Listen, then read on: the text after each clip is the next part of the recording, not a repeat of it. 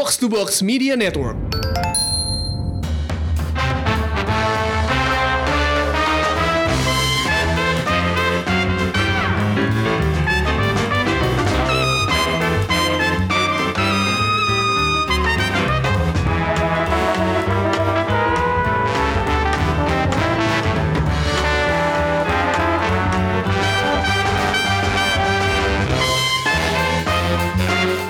Hai, sekarang Showbox sudah ditemenin sama sutradara film 27 Steps of May. Ada Mas Raffi, halo Mas, selamat datang. Nabi Barwani. Nabi Barwani. Ada, ada juga penulisnya Mbak Raya Makarim, halo Mbak. Halo Mbak. Makasih banget udah main-main ke Showbox. Eh, Gue sama Angga nonton film ini di JAV Mm-mm, eh, Desember tahun lalu. tahun lalu. Iya, eh, jadi kita udah nonton filmnya Nangis. Iya, saya sebagai bapak juga nangis. Jadi kita eh, eh, emosional ya enggak ya? Emosional. nonton kayak tunggu tunggu. Abis nonton tuh nggak bisa ngomong dulu mas sama orang lain. Jadi harus diam dulu kayak ngeresepin dulu. Gitu. Eh, mungkin dari awal eh, ki- langsung ngobrol aja ya. Eh, mungkin pertanyaan dari kalau dari gue adalah eh, tentang ini dulu sih tentang judul 20 Steps of May gitu 27 step. eh 27 Steps of May gitu loh Eh, itu kira-kira 27 langkahnya itu dari mana ya ya ini ini cerita lucu ketika kita premier film kita di Busan. Iya. Eh, jadi pertama kali film ini di, ditunjukkan di forum yang publik di festival. Eh, Raffi tiba-tiba sejam sebelum kita berangkat ke sinema panik gitu. Rai, Rai, jadi gimana kalau orang nanya 27 Steps of May itu artinya apa, judulnya apa? Terus gue, dengan tenang nggak mungkin lah nggak akan ada orang yang nanya. Ngapain juga nanya soal judul gitu kan. Ternyata di setiap screening semua setiap orang pasti ada pertanyaan tentang apa Arti judulnya. artinya arti judul. Em, lo mau terangin atau- ya tapi problemnya kalau kita terangin secara seluruhnya agak ada, ada spoilernya itu loh.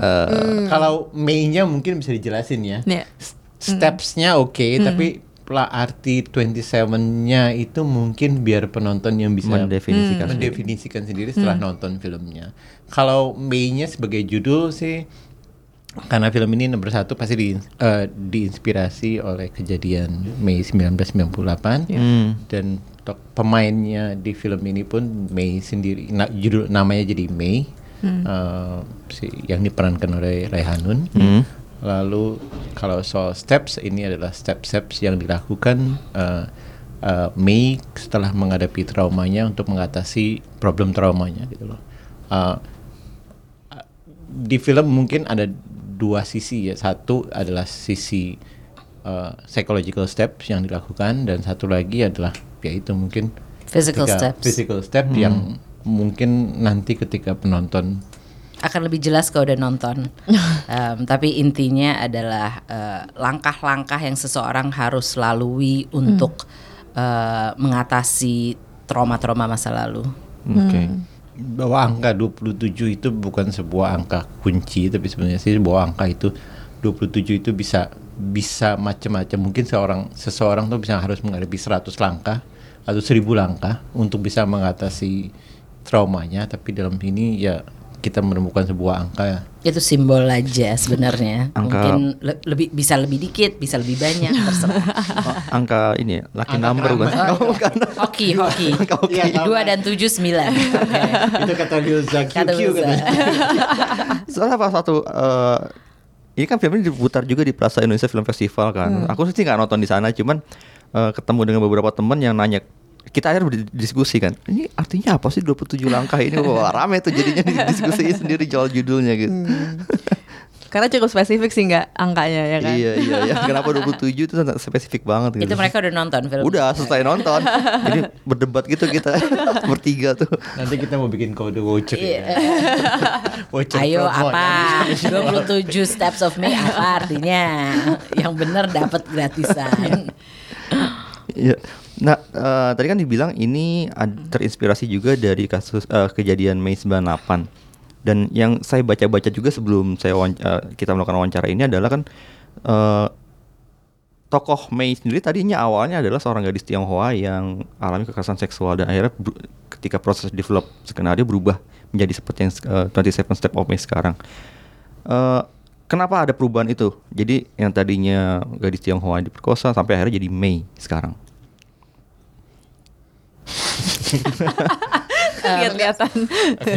Eh, seperti semua proses eh, development perkembangan cerita ya em, pasti ada eh, evolvement dari satu ide inspirasi abis itu diolah lagi diolah lagi diskusi lagi diskusi lagi Em, kita sangat concern tentang apa yang terjadi di Mei 98 eh, pada perempuan-perempuan yang diperkosa Em, jadi dimulai dari situ, tapi kita nggak mau membuat film uh, pol- political film. Hmm. Uh, jadi oke, jadi evolve lagi menjadi oke kita mau bikin personal film. Personal film, oke di- tadinya uh, apa per- perempuan keluarga Cina, uh, anak perempuan sama bapaknya, tadinya bapaknya yang memerkosa anaknya, tapi habis itu kita bilang, hmm, kita nggak kita tidak mau membicarakan pemerkosaan Uh, karena begitu ini urusan bapak dan anak itu susah sekali keluar gimana caranya satu rumah segala macam. Jadi ini ide-ide yang ya udah bergulir aja yang sampai kita menemukan eh, formula yang paling baik untuk menceritakan cerita yang ingin kita sampaikan. Itu aja. Kalau dari Mas Raffi ada Mm, Ya artinya Insight. sama intinya juga tidak membuat sebuah film politik tapi lebih sebuah sebuah film tentang keluarga. Uh, bagaimana sebuah uh, uh, kejadian uh, pe- uh, kekerasan terhadap wanita terutama di sini adalah pemerkosaan itu uh, bisa merusak sebuah seorang manusia which is May di dalam film ini dan juga uh, keluarganya juga yang yang yang yang jadi hancur gara-gara urusan satu tragedi seperti ini. Dan juga untuk membicarakan Mei 98 kita tidak harus membuat political film ini eh, semacam alegori, tetap ada paralel-paralel ada ada eh, kekerasan, ada gang rape eh, yang melakukan gang rape itu tidak pernah tertangkap, tidak pernah diselesaikan, kita berfokus pada pada korban. Eh, jadi paralel itu tetap ada. Mas, eh, ini kan filmnya tentang em, orang orang mengatasi trauma dengan mengisolasi diri eh, dan nan- eh, disajikannya tuh cukup ada kontras maskulin dan feminin juga antara eh, Mei dan bapaknya gitu. Cara cara mereka menyelesaikan eh, menyembuhkan diri sendiri dan dan bagaimana mereka cope dengan masalah itu kan caranya beda gitu ya. Eh, bagaimana cara mm, mm, Mbak Raya sebagai penulis sama Mas Raffi sebagai saudara itu dinamikanya seperti apa ketika menentukan tampilan yang nanti akhirnya ada di di film gitu. Apakah ada eh, perdebatan di bidang di sisi kreatifnya? Dia ngeliatnya ke gue gitu. Perdebatan. Perdebatan itu sesuatu yang sehat. Perdebatan itu Pe- Perdebatan itu adalah untuk menemukan. Ide yang terbaik untuk cerita. Jadi bukan sesuatu hal yang negatif Raffi. Perdebatan tuh berjalan terus Tapi karena perdebatan itu kita akhirnya mendapatkan jalan keluar untuk problem-problem Atau sesuatu yang menurut saya ini nggak masuk akal Atau menurut Raffi ini tidak masuk akal. Uh, Jadi kalau untuk uh, karakter Mei memang kita membuat dia masuk ke dalam satu rutinitas setiap hari. Pokoknya ini kerjaannya dia dan dia tidak keluar dari rutinitas itu. Sementara untuk bapaknya kita membuat dia punya dua sisi. Uh, satu dia karena merasa gagal melindungi anaknya uh, ketika di dalam rumah dia semua tenaganya, semua energi dan waktunya itu um, untuk anaknya. Jadi membantu, mensupport dan dia menjadi bapak sekaligus ibu. Dia yang memasak, dia yang menyajikan makanan, dia yang membantu, dia melakukan hal-hal yang biasa dilakukan oleh uh, you know a woman gitu. Um, tapi di luar dari itu semua rasa bersalah dia terpendam uh, dan si bapak ini perlu sebuah outlet. Jadi outlet yang terbaik adalah dengan tinju, dengan tarung. Uh, di situlah dia bisa melepaskan semua uh, perasaan dia karena ketika dia di dalam rumah dia harus menjadi segalanya untuk Mei. Hmm. Hmm, Ya mungkin kalau saya tambahin, yang menarik itu gimana? Menurut saya yang menarik itu lebih di proses bapaknya. Gimana bapak yang yang keras ini eh, berusaha sebetulnya. Mungkin kalau kita lihat internal dianya sebetulnya bukan seorang bapak yang harus mengurusin anaknya se, se seperti seorang wanita gitu loh. Tapi itu salah satu bagian dia supaya eh, mengatasi rasa guiltnya gitu loh. Jadi apa pun apa pun dia akan lakukan demi eh, keselamatan. Kalau dalam ini, di- kalau dalam konteks ini adalah demi menjaga seorang anak itu di dalam sebuah rutinitas yang dia tahu pasti akan aman. Untuk dia yang penting sekarang adalah aman untuk anaknya. Aman itu dalam arti yang sangat sederhana ya. Makanannya harus seperti ini, minumannya harus segini, jamnya jam segini itu dia jaga benar. Dan itu itu termasuk saya seorang dari segi laki-laki ya saya lihat.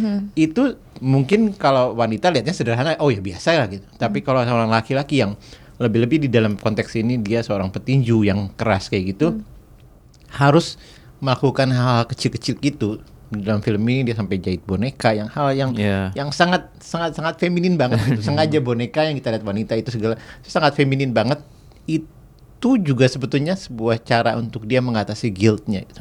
nah ini itu ya itu itu jadi menarik gimana laki-laki harus berusaha menjadi seorang ibu dan bukan dianya sendiri tapi dia menjalankan itu sebagai sebuah bentuk dari guilt Sejak awal ketika mendesain karakter si bab ayahnya si Mei ini kan memang dia petinju. Apakah dari awal di, set sebagai petinju atau di- dalam perkembangan pengembangan skenario akhirnya berubah-berubah nggak atau gimana?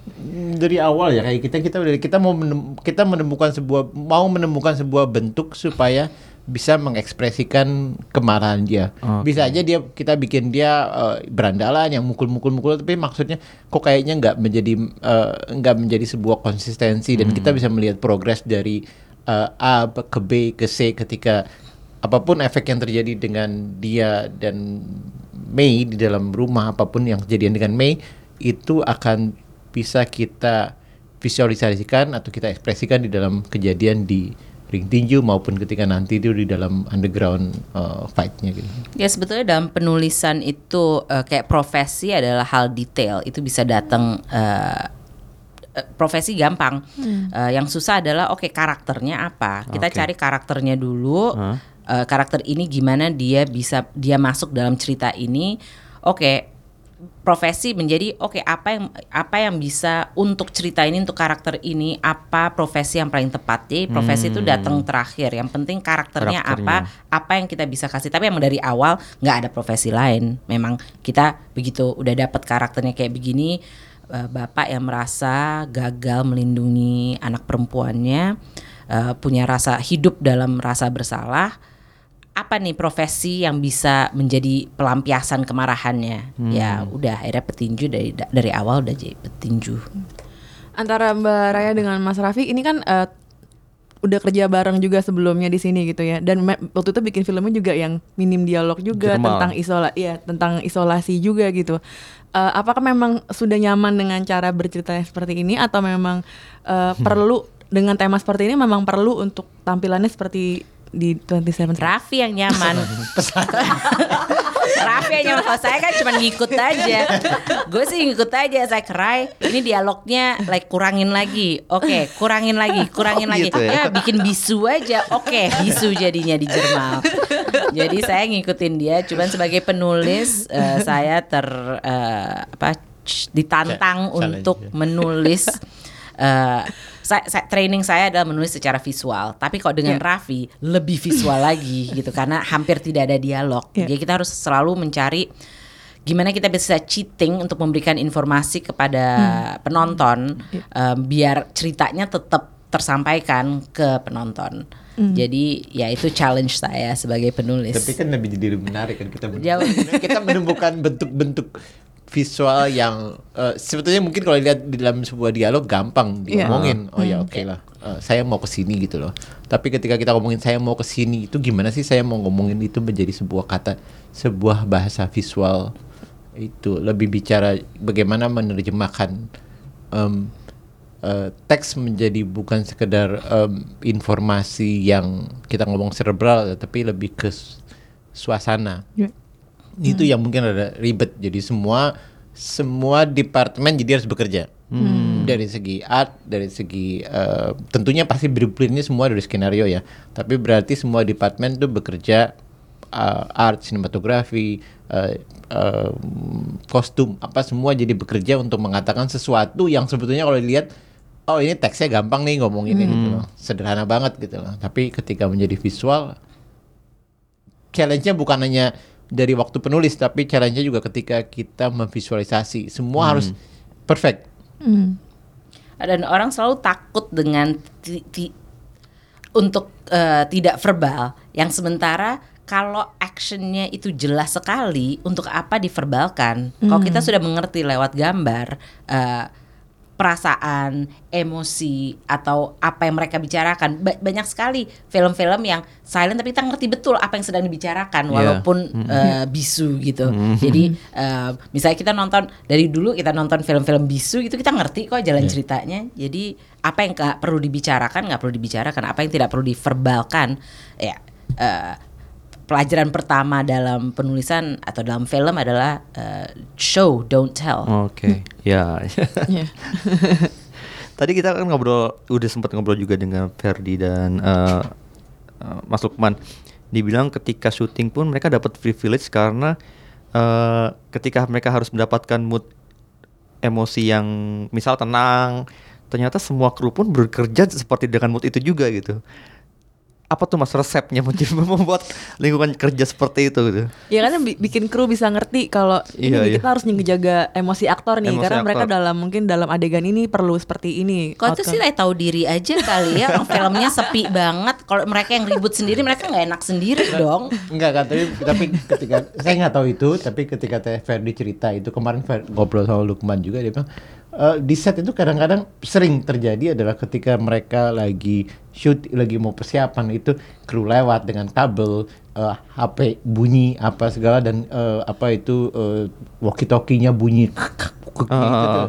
Eh, tapi kalau dari saya itu itu pelajaran saya dari eh, dosen atau mentor saya, which is Orlo Sungge yang mengajarkan Oh, bahwa oke. em, memberikan em, privilege terbesar aset kamu nomor satu itu dalam film itu pemain. Hmm. waktu syuting ya? Mm-mm. itu dijaga. Itu nomor satu. Kamu mau punya gambar sebagus apa pun juga. Mau warna sebaik apa pun DOP gambar sejernih apa pun. Kalau tidak ada pemainnya itu tidak bisa memberikan apa-apa itu percuma kamu bikin film. Percuma shot itu bagus. Dan salah satunya itu yaitu menjaga supaya mereka di dalam sebuah mood yang Hmm, Oke. yang mendukung. Itu itu itu saya pikir itu pelajaran berharga yang em, kita coba pakai dalam film. Eh, dan em, juga tentunya dibantu dengan em, kru yang eh, kru yang sangat paham ini karena mereka udah tahu ini film seperti ini.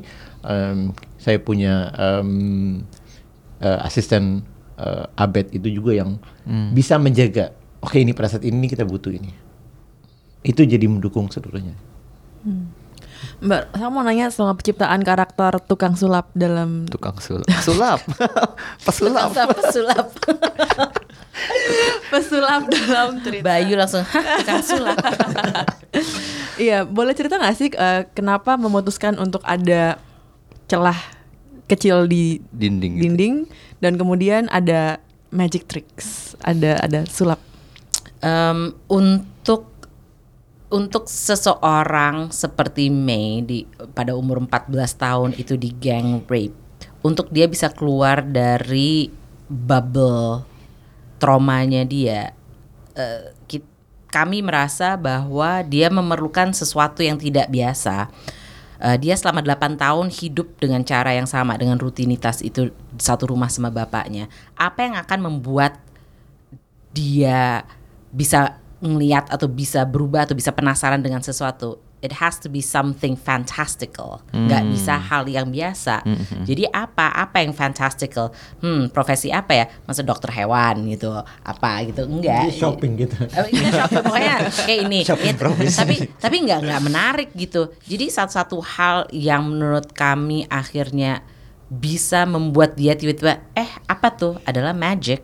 Em, dan dan mungkin perlu imajinasi yang luar biasa dari seorang karakter untuk bisa keluar dari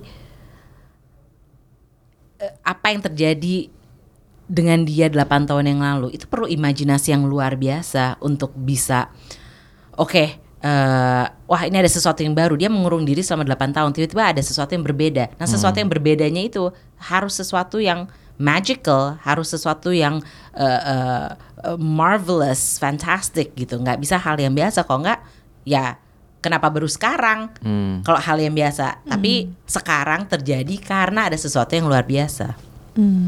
Dari segi visual sebenarnya juga agak berbeda kan? Dari yang realis banget nih di satu rumah, rumah sebelahnya, wow, ajaib banget gitu kan. Wonderland. Eh, Iya artinya Dari gini. treatment visual gimana, Nah, gini gini. Eh, mungkin treatment visual itu balik lagi saya bilang balik ke blueprint which is skenario. Hmm, gitu oke. ya. Eh, perdebat bukan perdebatan. Diskusi ada kita adalah gimana kita membuat sebuah karakter itu progresnya itu be- believable. Hmm. Selalu kita nanyain ini progres dari step stepnya Mei itu dari sini ke sini tuh believable nggak sih? Kita aja yakin nggak gitu loh. Hmm. Bukan believable secara teoretik ya, artinya dia ke sini ke sini bikin. Tapi believable secara progres emosinya. Kita sendiri harus merasakan. Oh, gue sering kita bela- kita diskusi itu. "Hmm, kayaknya ini em, kayaknya ini kecepetan. Kayaknya kok gue ke sini langkahnya Oh, kecepetan. oke. Oh ya kalau kita merasa sama-sama gitu kecepetan. Oh kita tambahin lagi satu di tengah in between. Jadi kalau tadi dari progres satu ke satu dua itu berarti kita bilang oh ini kita perlu satu A deh atau satu A, A- satu A, satu B, satu C gitu. Jadi kita butuh kecil-kecil langkah-langkah itu. Jadi kalau Oke. kita dalam film itu semuanya tuh selalu dengan bahasa progres. Eh, sama juga dengan eh, dengan em, dengan apa bel- believable-nya itu. Si Mei itu bisa bisa mau berhubungan dengan manusia luar, Hmm. Eh, manusia yang em, yang em, di tidak ya manusia luar lah intinya di, di- yang tidak selama ini selama ini sama bapaknya itu em,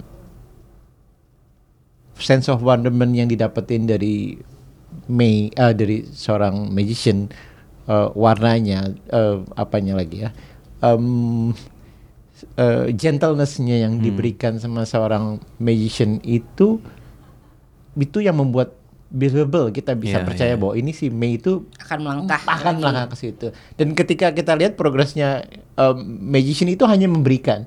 Mm-mm.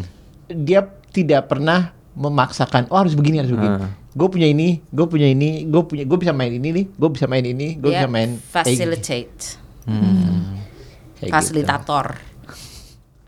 Eh, soal casting nih ngomongin soal pesulap eh, dari awal udah keset itu adalah Aryo Bayu yang harus memerankan atau ada audisi memang audisi secara terbuka untuk memerankan tokoh-tokoh di film ini juga? Ah, ah, kalau ya ada screen audisi. test. Ada. Ya semua screen test. Oke. Untuk soal tadi kita dapat bocoran ternyata tadi ha- harusnya Aryo, eh, siapa? Ferdi. si Fe- bukan. Lukman yang harus ditawarkan Oh, memerankan iya. pesulap ya? Pesulap. bukan Iya gak sih? bukan Fer eh, bukan Ferdi apa Lukman Ferdi mungkin Ferdi sih tadi. Oh, Ferdi ya? Ferdi, Ferdi. Enggak, Ferdi antusias sekali dia. jadi dia kita Semua dia mau, semua dia awalnya kita apa ya? Kita kita manggil dia untuk oh, manager, Manager. Iya. manager tinju. oh iya manajer Tapi tinju dia habis itu, oh gue baca yang ini juga deh, gue baca ini. Jadi semua dia bacain. terus Eric tuh, karena dia suka sekali dengan semua karakter-karakternya. Iya, iya, iya. Jadi dia jalanin semua. Si, dia ngerjain bapak juga Hmm. dia kerjain, kurir dia kerjain. Jadi semua dia baca. Jadi kita punya lima screen test Ferdi. Gitu. Dan akhirnya kita berubah. Sayang banget kok jadiin eh, manager tinju Iya. gitu, karena ini bisa banget jadi kurir Iya. karena personality. Kita punya karakter bapak yang sangat cukup data dan memendam semuanya quiet tapi angry. Eh, sementara kurir ini cukup gegap gempita dan positif dan ketika di screen test itu yang dimunculkan oleh Ferdi yang saya oke ini bisa kita garap. Jadi akhirnya itu. Kalau Raihanun sendiri gimana? Raihanun kan ini kan sebenarnya tentang tokoh utama Raihanun dan bapaknya, tapi Raihanun kan Raihanun sangat punya peran penting banget di film ini kan. Eh, ketika Mas Raffi dan Barai sebagai produser juga kan eh, memilih pemain, oke yang harus Raihanun yang mainkan gitu. Untuk Apa sa- yang Sama, screen- sama screen test juga Semua semuanya screen semua, test. semua Hmm. gitu. Nggak ada kriteria khusus. karena karena nggak punya kita nggak punya ide bagaimana ini kan karakter-karakter yang cukup kompleks dan susah Iya. jadi kita harus melihat aktor-aktor baik pun maksudnya kita bisa lihat mereka bisa nggak masuk ke dalam ranah ini Mm-mm. Eh, dan ya untungnya ya yang kita pilih itu semua luar biasa dan Iya sih. expect expectation kita di mana ternyata mereka beyond expectation. Iya, Jadi kita juga oh my god, thank God.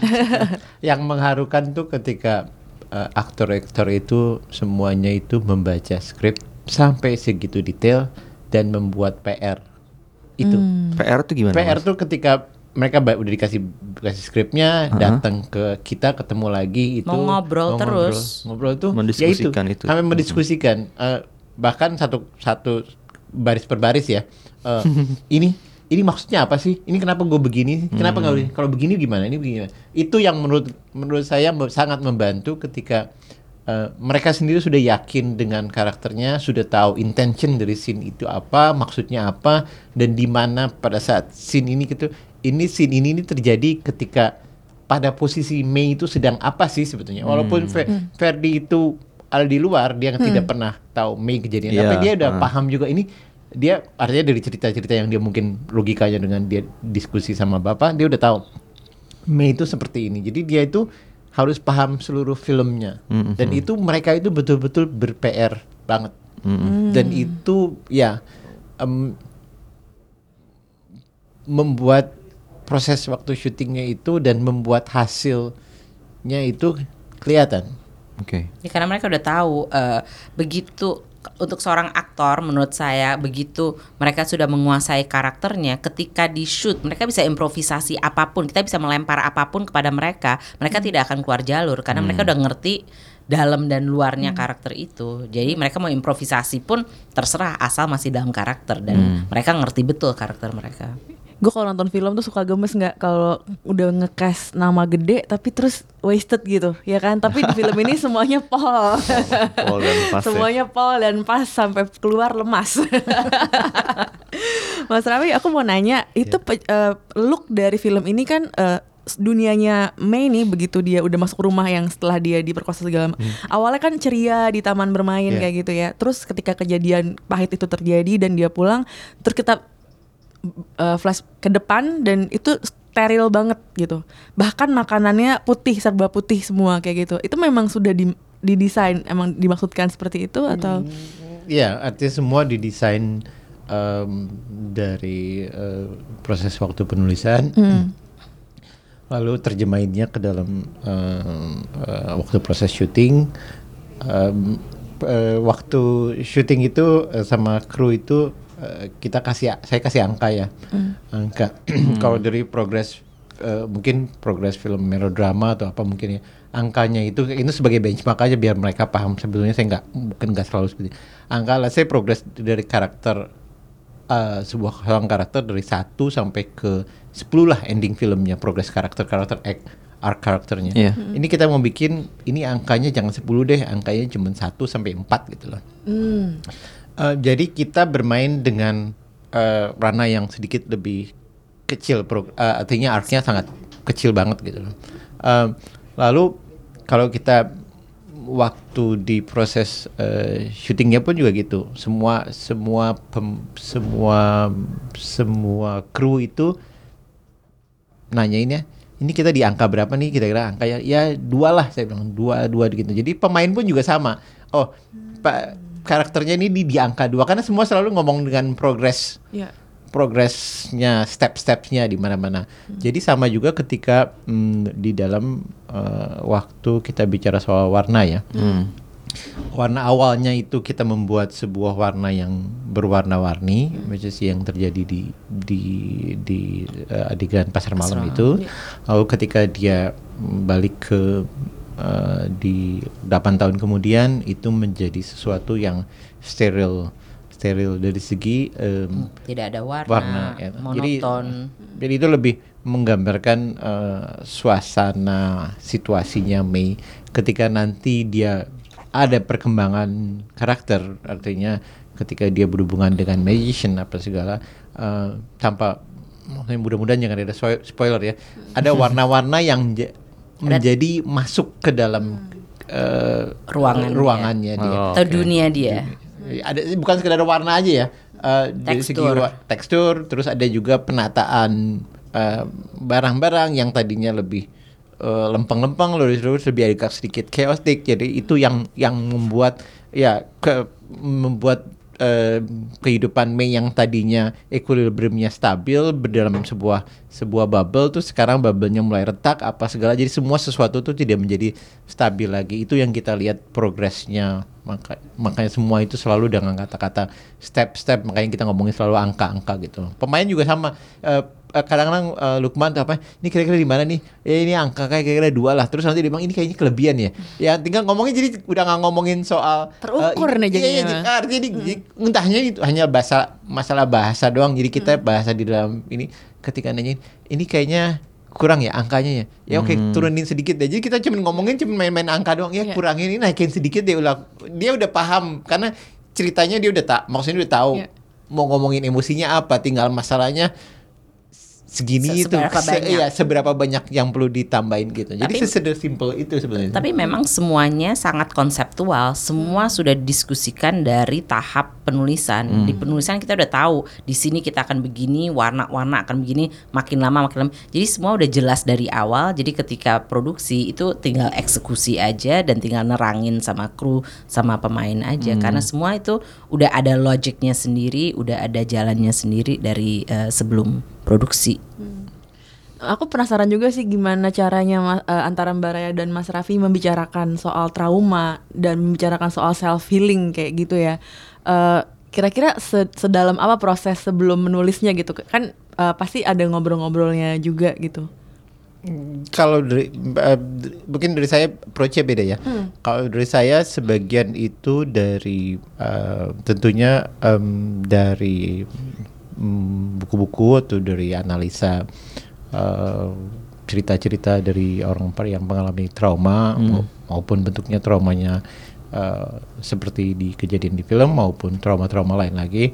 Eh, tapi mungkin eh, yang yang untuk saya yang lebih personal adalah eh, trauma-trauma itu yang memang sebuah ex- personal experience yang yang menemukan cerita di dalam film ini gitu.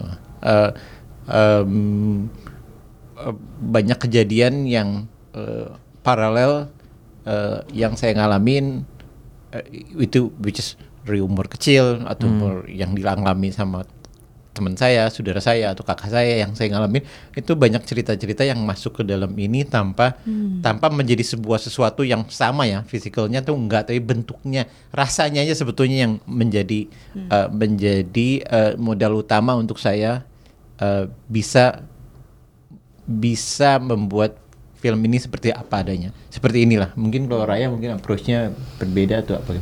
Em, eh, kalau saya sih yang yang paling penting adalah oke eh, Raffi eh, terobsesi dengan tema isolation sama alienation.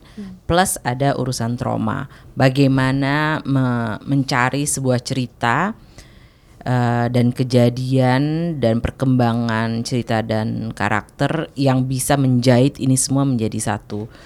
Uh, dan itu membutuhkan ketika uh, dengan inspirasi Mei 98 habis itu kita oke oke ini akan ada pemerkosaan tapi kita tidak mau berfokus pada pemerkosaan. Kita mau berfokus pada ya seperti karir uh, kurir bilang progres. Bagaimana dia keluar dari trauma itu jadi banyak sekali PR yang harus kita lakukan karena ini uh, subjek yang tema yang sensitif.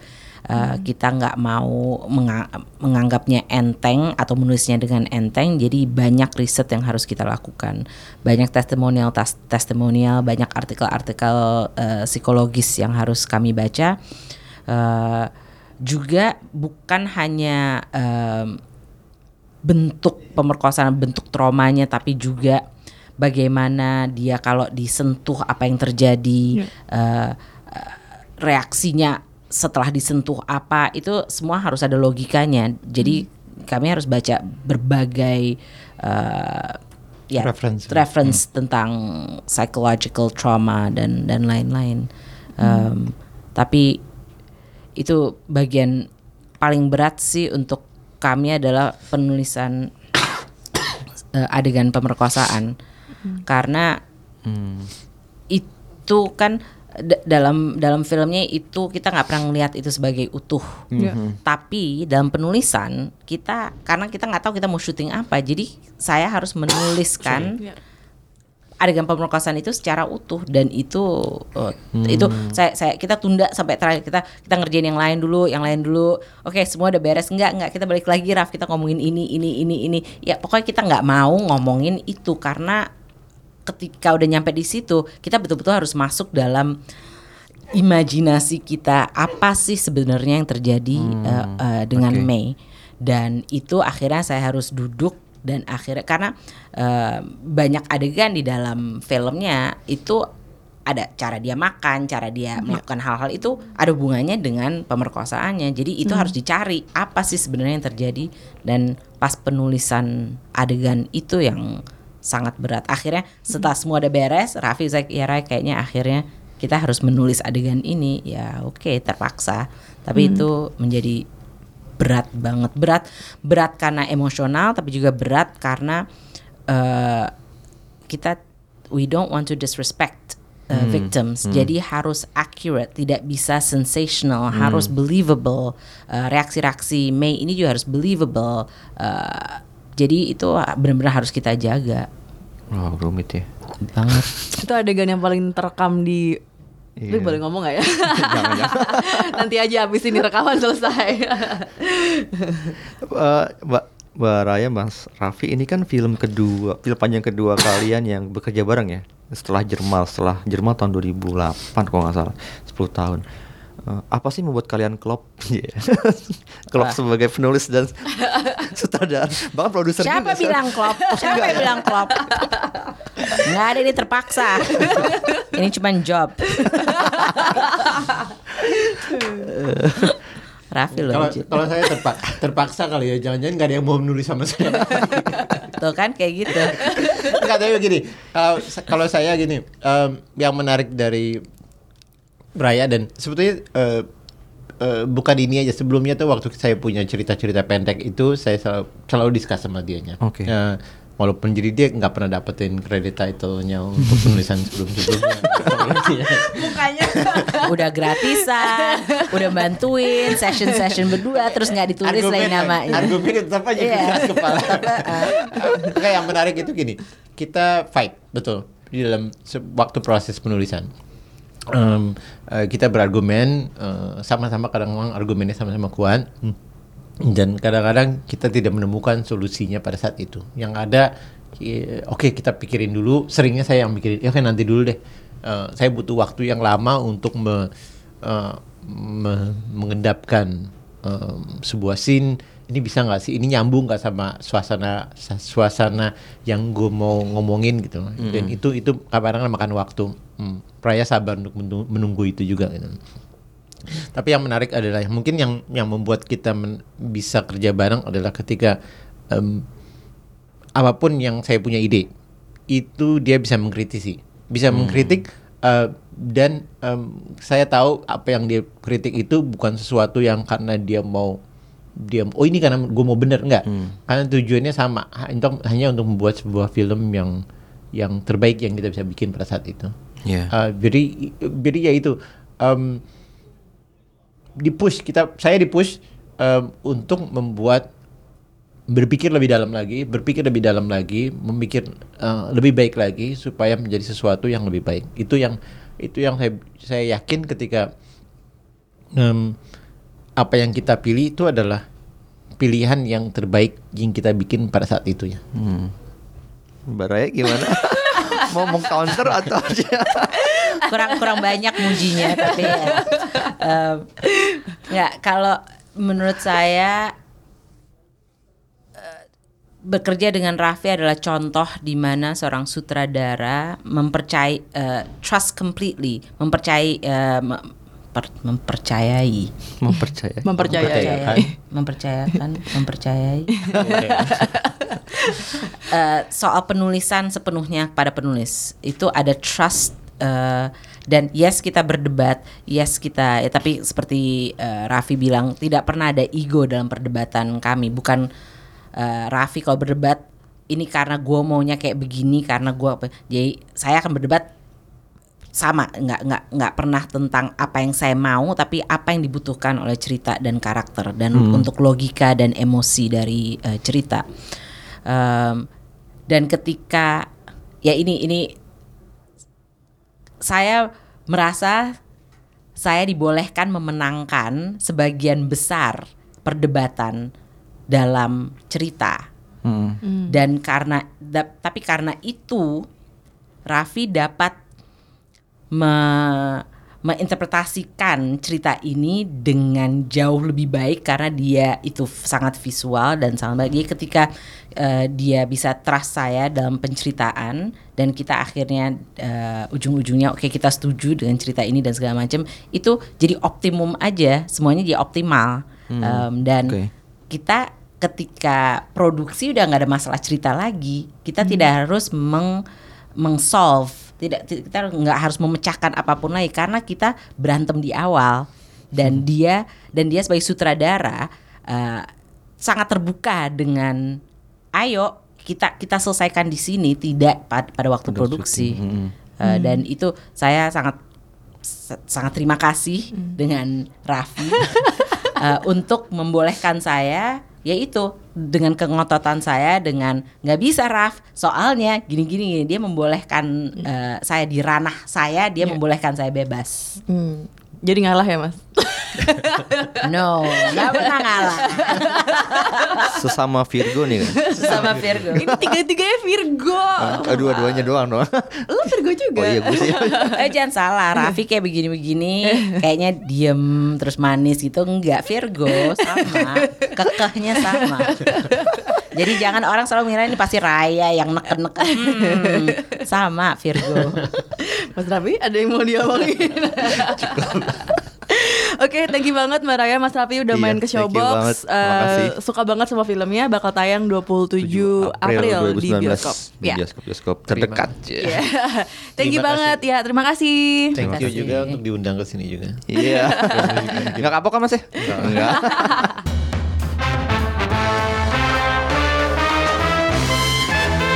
Halo semua, sekarang Showbox Podcast sudah kedatangan tamu dari eh, film 27 Steps of May. Di sini ada Mas Lukman Sardi, Halo. ada Mas Ferdi Sulaiman. Selamat datang kembali Mas Ferdi. Mas Ferdi. sering banget sih hampir semua film Indonesia ada dia. ya kan gua Sama mengisi, juga sih sama Mas Lukman juga. mengisi kekosongan Lukman Lukman gak ada gue masuk Bener loh. Mas Lukman ada terus. eh, tapi gue udah hitung sih jumlah uh, film yang kalian mainkan. Semoga nggak salah. Soalnya saking banyaknya. Iya. Pas gue hitung tadi, pas gue hitung suka keselimpet gitu terus ulang lagi dari awal. Kalau Mas Lukman tuh udah main di tujuh, 72 film. Gila. Mas Aja nggak ngitung nggak tahu berapa dua film. Mas Ferdi tuh udah 58. Wih. masih jauh gue Dibandingin Reza, Reza baru 45 Reza Radian. dan kasihannya dia dibilang oh Reza lagi Reza lagi Iya. nggak ada yang pernah bilang Lukman lagi Lukman lagi ya Aduh. gitu. Jadi sekarang eh, kita eh, bakal ngomongin film yang ini kita berdua nonton di JAV ya enggak? Di Jav, Di JAV. Desember Oh kemarin. udah udah sempet nonton. Udah ya? nonton. Udah, Jadi enak Iya. kita ngobrol ya. Iya, iya, iya. iya. betul sekali Nangis mas. Gue Wih. nangis nggak? Lo nangis nggak? Iyalah. Aduh lu nangis nggak dapet tiket atau nangis? Oh, nonton. dapat dong. Oke. Oh, tiket dapat dong. Siap, siap. Nggak temenan sama JAV kita kalau Oh, nggak dikasih iya. tiket. Ketemuan kita ya waktu itu. Iya. Nah, jadi ini filmnya eh boleh dikasih tau dulu nggak nggak tentang apa filmnya? Sinopsisnya dulu. Oke, jadi sinopsisnya adalah ini gue ambil dari film Indonesia.id. Hmm. 8 tahun yang lalu, Mei, umur 14 tahun, diperkosa oleh sekelumpulan orang. Ayah Mei sangat terpukul dan menyalahkan dirinya sendiri karena tidak bisa menjaga putrinya. Karena sangat trauma akibat insiden ini, Mei menarik diri sepenuhnya dari kehidupan. Sementara ayahnya terjebak oleh perasaan bersalah yang membawanya hidup di dunia-dunia. Bersama Mei, dia adalah jiwa lembut yang mengorbankan segalanya demi kenyamanan dan keamanan putrinya. Namun di ring tinju, dia adalah petinju yang bertarung untuk menyalurkan amarahnya. Sampai akhirnya seorang pesulap pindah ke rumah sebelah dan menciptakan celah kecil di dinding pelindung milik Mei. Pesulap itu membangkitkan, membangkitkan rasa ingin tahu Mei yang kemudian membangkitkan emosinya dan membebaskan dirinya untuk bergerak maju. Wih, di kurang satu paragraf lagi Gimana? apa panjang lagi itu nih? seorang kurir ada Kurang disebut. Makanya tuh. Katalisatornya nih. iya Justru dia yang membawa itu tuh kurir tuh. Nanti kita, kita bahas nih, kita, kita kulik bahas, nih. kita bahas. Gue ketika nonton film ini filmnya puitis banget dan menurut gue memang bahasa filmnya tuh eh, lain sendiri ya dari dari film-film lain yang waktu itu kita tonton di JAV eh, waktu bulan Desember kemarin gitu. Eh, kita pengen nanya dulu nih ke Mas Lukman sama Mas Ferdi sebagai aktor eh, ketika dapat skenario film ini gitu ya eh, apa yang terlintas karena ini kan dan aku juga pengen tahu sih sebenarnya skripnya kayak apa karena kan ini sangat minim dialog gitu ya sangat mengutamakan eh, ekspresi dan dan acting gitu Eh, boleh cerita nggak waktu pertama ditawarin eh, Mas Raffi gimana? Ah, perjalanannya lumayan panjang sih. Jadi eh, ya bukan yang jadi ketemu sama Raffi sama Rayanya tuh sebenarnya udah berapa tahun? Maksudnya berapa eh, bahkan dua tahun sebelum syuting kalau nggak salah atau satu tahun setengah sebelum syuting. Jadi waktu itu tiba-tiba Raffi Raya datang cerita ada film gini-gini gini. Terus eh, waktu ngobrolin tentang konsepnya, gue udah tertarik tuh. Wow, ini ceritanya menarik ya ten- tentang kekerasan perempuan, tapi dari sudut pandang seorang bapak dan anak perempuan gitu. Yang menurut Itu gue kelemahan lu banget ya. Iya, karena gue nggak punya anak perempuan. Enggak, bukan, enggak. Maksudnya is real- uh, Bapak itu anak. sesuatu yang relate sama gue juga itu secara personal karena gue punya anak walaupun anak gue bukan perempuan tapi at least uh, there's something uh, relate dan menurut gue juga akan relate dengan banyak orang karena di mana-mana semua orang punya maksudnya punya karakter yang bisa dibilang this is my parents gitu atau ini anak gue whatever itu secara darah langsung atau enggak Um, dan ini eh, jadi sesuatu hal yang sangat menarik. Terus ditambah lagi pada saat eh, Raffi ngomongin skrip, akhirnya gue sampai kepada titik skrip, gue melihat bahwa wow ini sesuatu yang udah lama, jujur udah lama eh, gue nggak dapetin hal seperti ini gitu. Kita ngomong tentang sesuatu yang lumayan cukup serius, tapi eh, dengan dialog yang minim gitu. It's very challenging. Eh, karena menurut gue dan Ferdi dan mungkin teman-teman aktor yang lain bukan hal yang mudah untuk menyampaikan sesuatu dalam sebuah film tapi minim dialog. Dan ini eksplorasinya tentu akan menarik gitu kan. Itu sih pertama yang gua gua gua rasain ditambah lagi dengan dengan Raffi yang juga dan Raya yang jadi sebelum syuting tuh kita punya kesempatan eh, ngebahas skrip itu bareng-bareng sutradara dan penulis. Iya. yang bukan sekedar ngomongin ceritanya ya tapi scene by scene kita bahas gitu. Eh, itu menjadi sebuah hal yang luar biasa gitu. Jadi pada saat kita syuting kita udah paham bener gitu. Eh, oke ini maunya ke mana sutradara maunya apa skrip eh, walaupun kita juga tentunya punya eh, masukan-masukan atau s- insight yang kalau gue nih gitu gini gini gini dan Raffi juga melihat itu sebuah sebuah hal yang bisa didiskusiin bukan yang tiba-tiba nggak bisa eh terserah lo mau ngomong apa gue udah punya konsep ini jalannya kayak gini gitu kan. Ditambah lagi gue bermain sama Ferdi sama Rahanun yang menurut gue eh, eh, lawan main yang menurut gue kita bisa bisa saling memberi gitu dan ngasih gitu bukan cuma sekedar dialog gue ini ya, lo ini ya. Tapi sebelum syuting tuh gue bisa ngobrol banyak sama Ferdi eh, what do you think fair terus Ferdi bisa nanya menurut gue gini kalau menurut lo gimana man? Sampai akhirnya kita punya connection gitu. Nah ini yang jadi jadi sangat menarik prosesnya. Gitu sih kalau Ferdi gue wakilin oh enggak ya lo Apa-apa. kan orang nggak lihat mukanya. lu lu bisa niruin gue, gue yakin. perlu latihan sih Fer ya kalau kalau gue pas dapet eh, kesempatan audisinya waktu itu, gue nggak langsung dapet kurir terus terang. Eh, terus terang gue dapet karakter yang sebenarnya gue nggak mau. Bilang, Siapa Mas? ya adalah karakter Mei nggak mungkin kan Cuman maksudnya karakter itu pun akhirnya nggak masuk di film. Eh, dan gue tahu ini karakter kayaknya terlalu spesifik lah buat gue gitu, nggak nggak masuk ke cerita. Terus gue bilang sama casting director, gue coba yang lain ya gue bilang. Mau coba yang mana? Gue coba bapak, gue coba kurir, gue coba eh, pelatih, gue coba, gue coba semua. Karena gue lihat skripnya keren banget. Pas gue baca, aja ini skrip keren banget. Kalau gue cuman kayak muncul semprit doang just because of my look, menurut gue nggak do justice. Karena jarang-jarang kita bisa ketemu skrip sebagus itu gitu. I wanna involve more. Ya udah akhirnya gue cobain semuanya. Terus eh, akhirnya gue dipanggil lagi Oke Fer, sebenarnya lu mau dimasukin ke beberapa tapi ntar kita coba eh, dua ya. Habis itu gue coba kurir sama eh, kalau nggak salah manajer tinju atau pelatihnya gitu. Ya, akhirnya gue masuk ke kurir gitu. Karena mungkin dilihat kurir itu time eh, apa spendnya sama Lukman jauh lebih banyak dan gua sama Lukman udah eh, sering main bareng jadi mereka mikirnya oh kayaknya enak nih. Mereka di awal cerita tuh sudah berteman. Ya. gitu. Jadi eh, untuk untuk Dan itu krusial buat cerita juga sih hubungan Sangat. antara si Sangat bapak dengan kurir. Kalau misalnya eh, interpretasinya salah aja, kelar itu cerita. betul betul betul. Jadi gue gue itu yang gue sangat berhati-hati dan gue eh, jadi anert banget dapat karakter kurir itu. Karena satu eh, awalnya kurir ditulis tuh sebenarnya sosoknya nggak kayak gue. Hmm. Betawi banget ya awalnya Iya, iya, Betawi banget. betawi banget gue bilang "Wah, anjing ini yang Jangan main." Ferdi kan eh, Indonesia Timur banget kan. ya kan gue Korea kan Nggak ngeliat, nggak ada orang lihat ini mukanya. Ada kamera. oh iya ada. Salah. Lipo Korea Waci jadi Sebut brand.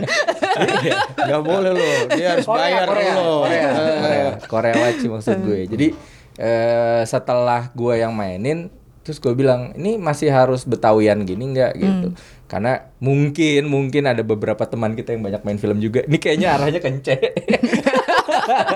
Askobar. Cek, lo kalau denger nih nama lo sebut-sebut katanya lo banyak main film emang iya sih. Emang kemarin kalah gue sa- beda satu film dia 9 film setahun man. Nah Jadi cek bagus ya by the way. Iya buat yang dengerin Cai bagus. Disebut namanya. Oh, anda masih dengerin Showbox dan nggak tahu Ence bagus siapa? Wah, parah. Dan akhirnya di situ eh, ya itu kesempatan untuk ngobrol sama penulis sama sutradaranya itu membantu banget karena eh, akhirnya gue bisa bilang oke gue gue rubah ya bahasanya nggak betawian atau kita bilang bahwa ya dia emang orang di Jakarta. Terus eh, karena memang karakternya sangat-sangat eh, positif gue takut jadi menggurui atau gue takut jadi karakternya jadi palsu gitu kan. Eh, dikasih imperfectnya lo eh, boleh nggak sedikit? gitu gue bilang gitu. Eh, dikasih lisp gitu kan. Jadi supaya ada cacatnya dia gitu. dia nggak nggak se- se- sebersih itu juga. Karena satu-satunya hope di cerita ini cuman dari Kurir. si kurir gitu. Jadi eh, at least eh, apa namanya dibikin nggak terlalu putih lah nggak dibikin nggak terlalu karena dunianya udah dark banget kan gitu. Kalau ada yang putih menonjol banget kesannya gue ntar jadi tokoh religi gitu jadi dan dari itu dari kostumnya juga gue suka gitu oh di kurir dibikin gini aja gitu jadi bener-bener eh, down to earth banget gitu Hmm. Tadi kan Mas Lukman bilang, gue balik ke Mas Lukman ya. Mas Lukman bilang eh, ada keteta, apa namanya? Attach attach dengan karakter ini karena seorang ayah. Iya, iya. Tapi sebenarnya kalau boleh tahu, Mas Lukman udah punya tiga anak ya, Iya. tiga anak dan nilai atau nilai dan karakter asli sebagai ayah dalam kehidupan sehari-hari ada dimasukkan gak sih ke dalam karakter ayah Um, Mei ini? Ada sih, maksudnya gini, ada beberapa hal yang kadang-kadang kan kita ngelihat nih, oke, uh, a- kita tuh ngelihat karakter anak kita dan we, we we adjust gitu. Maksud gue kan kalau lo ngomong anak ada sesuatu yang sifatnya gini, gue prinsipnya pada saat lo mendidik anak, lo nggak bisa nyamain eh, semua anak gitu. Menurut gue beda-beda gitu kan. That's why juga it happen waktu gue masuk ke Mei gitu. Gue melihat situasi Mei yang seperti itu, akhirnya gue menyesuaikan untuk menjadi seseorang yang mungkin mungkin bisa jadi itu di luar gue gitu, ya kan? Bisa jadi misalnya ada beberapa hal yang gue melihat anak gue nih, misalnya yang yang the, yang nomor satu, it's so sensitive. Mungkin gue orang yang kalau di luar kalau misalnya gue nggak suka, gue akan bilang nggak bisa kayak gini gini gini gini. Gue akan cer- tapi anak gue yang nomor satu ini nggak bisa kayak gitu. Jadi gue perlu ajak ngobrol. There's something yang gue mesti uh, adjust gue lakuin gitu. Iya, itu iya. salah satu yang menurut gue juga uh, terjadi di di di film Mei adalah bagaimana lo as a bapak lo menyesuaikan dengan apa yang terjadi dengan anak lo. Itu gue gua gua ngerasain banget. Terus hal lagi yang buat gue juga uh, bukan mempermudah ya tapi at least ada sesuatu di kepala gue gue ngebayangin misalnya terjadi sesuatu sama anak gue nih. It happen bad things gitu. Itu rasanya kayak apa ya gitu. Dan dan gue ngebayangin itu aja udah nggak enak gitu. Dan gue ngerasa pasti gue akan merasa bersalah seumur hidup gue karena bagaimanapun juga I'm gue orang tua lu kok gue nggak bisa Jaga. eh, eh, ngejaga gitu. Itu hal-hal itu yang eh, menurut gue salah satu yang eh, cukup eh, membantu gitu. Dalam arti kata eh, gue masuk nggak yang kosong-kosong aja gitu tapi gue masuk habis itu kita banyak diskusi dengan sutradara dengan rakyat walaupun menurut gue ini menarik gitu walaupun gue mungkin pada saat proses kita diskusi skrip bukan yang panjang gitu berbulan-bulan gitu, tapi Iya, singkat sangat banget. efektif gitu. Singkat. Singkat tapi sangat efektif gitu. Dalam satu hari itu mungkin bisa berapa jam gue ketemu Raffi dan Raya, tapi efektif banget yang kita bicarain gitu. Eh, yang akhirnya pada saat kita di di set eh, itu enak banget gitu. Dan dan situasinya juga sangat mendukung krunya dan Iya, segala macam. Sangat. Gue bukan bilang ini nggak terjadi di film Indonesia, tapi jarang. Bagaimana sebuah tim Hmm. dia menyesuaikan dengan apa yang terjadi pada saat itu dalam keperluan syutingnya, keperluan aktornya, keperluan setnya seperti apa, dan semua tuh saling ngebantu. Hmm. Itu luar biasa banget. Jadi kalau adegan moodnya seperti apa, nggak cuman aktornya doang yang cari mood, semuanya. Even, Karena even mereka bisa tiba-tiba kita berdua lagi nyiapin sesuatu dan mereka tahu, mereka bergerak dengan silent. eh, Oh, yang ngangkat lampu tuh tiba-tiba dia menjaga demi moodnya itu ya. itunya. dan buat gue buat gue ini gila itu privilege banget itu buat buat buat aktor gitu privilege terutama di Indonesia ya terutama di Indonesia karena budaya itu belum terbangun Betul. gitu Betul. gitu sih Kalau lanjut ke Ferdi, kan tadi Ferdi sebagai kurir yang sebenarnya di- kalau- kalau gua nonton film ini fungsinya penting banget gitu kan untuk semacam katalisator gitu kan Betul. buat si ayah untuk bergerak lebih maju. Tapi ketika pertama kali baca, diskusi dengan director dan mungkin juga scriptwriter juga dalam bayangan awal Ferdi sendiri tentang eh, kurir ini sendiri seperti apa sih dan apakah ada perubahan ketika udah mulai syuting? Eh, perubahan dari dari dari pembahasan ke syuting sebenarnya nggak banyak karena kata Lukman tadi bahwa pada saat kita bahas tuh everybody knows everything. Jadi gue bisa nanya langsung cek eh, lagi apa ya PR gue ini sesuai dengan bayangan mereka, objektif scene-nya itu nyampe. Eh, terus gue tetap nunggu juga dari Lukman, Lukman mau ngasih apa gitu karena eh, kita punya motivasi harus bertentangan nggak bisa sama. Eh, dan goalsnya, arc-nya apa segala macam tuh udah dibicarakan dari awal. Jadi eh, jadinya seperti apa tuh memang eh, pada saat di lokasi, tapi gue berusaha sesuai apa yang Raya tulis gitu bahwa ini fungsi karakter kurir nih apa aja sih gitu kan. Oh Oke. dia sebagai satu hope, dia sebagai satu eh, apa namanya eh, dia punya goals tuh sebenarnya kalau dari gue tuh bahwa gue sebenarnya nggak ada hubungan keluarga nih sama si bapak Iya. gitu kan. Tapi gue tahu kalau si Mei ini gue nggak bisa berhubungan langsung. Gue nggak akan mungkin bisa nolong dia langsung. Caranya satu-satunya adalah ngejagain supaya si bapak ini nggak menyerah. Kalau si bapak nyerah abis si Mei. Keluarga ini nggak akan nggak ada lagi gitu. Ah, dan kemarin juga gue ngelihat bahwa boneka itu jadi jadi jadi satu simbol bahwa ini boneka bentuknya berantakan gitu masih mentah. Begitu dikasih ke keluarga ini keluar jadi cantik. So there's still hopes. There's a positive Oke. uh, yang bisa dihasilkan sama keluarga ini. So I still have hopes bahwa yang penting kita jalanin aja. Mungkin perubahannya nggak signifikan langsung tapi yang penting progres itu. Progres progres. Kan orang move on Iya, gitu. gitu. kan. Time will heal gitu. Nah eh, di samping itu ya juga dia coba segala macam lah feng shui lah apa segala macam gitu. Pokoknya yang penting we do something gitu loh. Karena si bapak ini kayaknya eh, kehilangan hope terus gitu. Jadi dia harus kasih terus gitu. Kayak even waktu dia ngomongin Teta Yochin eh gue sempat ngomong gitu boleh nggak Teta Yochinnya ini kan penyembuh luka kan. Eh, buat Shaolin itu juga gue research. Ternyata oh Shaolin tuh buat mukul-mukul buat nyembuhinnya Pakai cepet itu ya? pakai Teta Yochin gitu. Nah itu merek lagi lo sebut. Merek lagi nggak apa-apa. Udah banyak yang nggak pakai soalnya.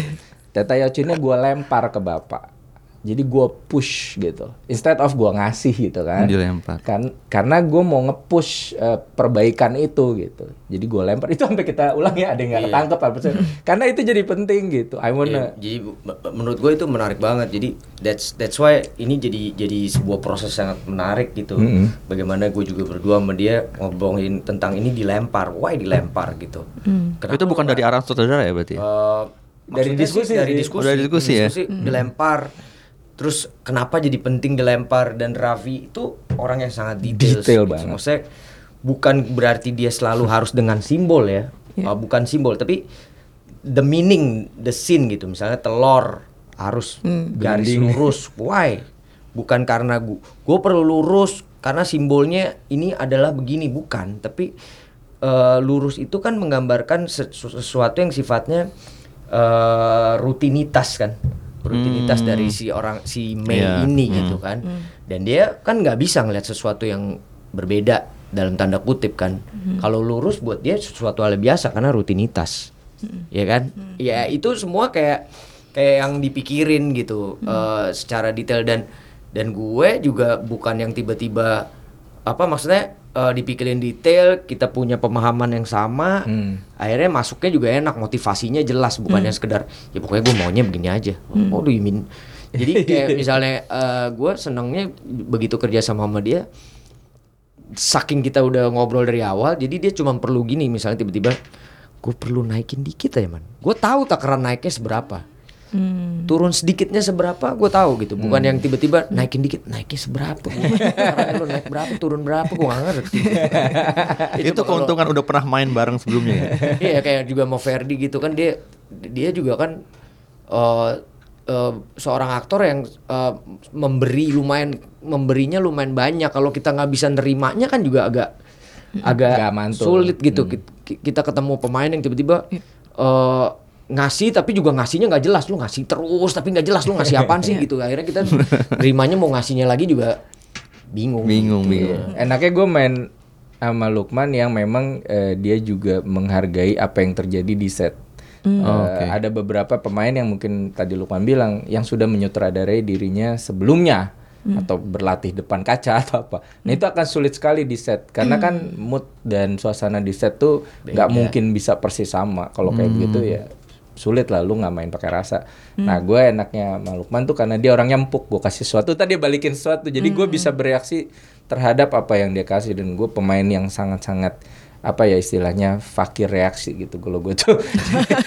My action apa eh, di, di didefinisikan dengan reaksi dari lawan main gue gitu. Jadi main sama Lukman enak banget. Karena gue kasih apa pun pasti mental Eh, balik ke guanya tuh enak gitu. Jadi eh, itu sih yang eh, apalagi kita udah punya pemahaman objektif scene ini yang sama gitu jadi kita ngejar goal yang sama sutradaranya ngejar goal yang sama daya DOP-nya artnya ngejar goal yang sama itu yang bikin jadi apa yang mau disampaikan tuh makin menonjol gitu. Akan sulit kalau misalnya semua bekerja sendiri-sendiri. Oh, gue mau art gue keren. Oh, gue mau shot gue keren. Warna gue keren. Pemainnya yang oh gue mau ekspresi gue keren. Man, lu ntar dua tel dulu ya. Gue mau nangis dulu. Nggak akan jadi apa-apa. Iya, iya. Mau gambarnya sebagusnya. Lu, nggak akan jadi lu apa-apa. dua tete, dua tel ya, tapi gue sukanya tetelan. Dua tel. Kenyal-kenyal gitu. kan enak pakai bakso ya bener. Aduh, belum makan pagi gue. Iya. Makan padang habis itu. Kemarin Pak, ada mas sekarang Pak. Aduh, jangan padang lagi dong. Waduh. Itu di kuningan nih, cuy. Yoi. Kelas dikit. Silakan kopinya diminum. Ini nggak boleh nyebut merek kan? Enggak, enggak apa. Ah, ini kopi enak sekali dari bawah. Enakan yang gue bawa. Tapi nonton di video. oh iya, kan ini gue Ini aman, ini aman. aman. Ini nggak aman ya. Ini.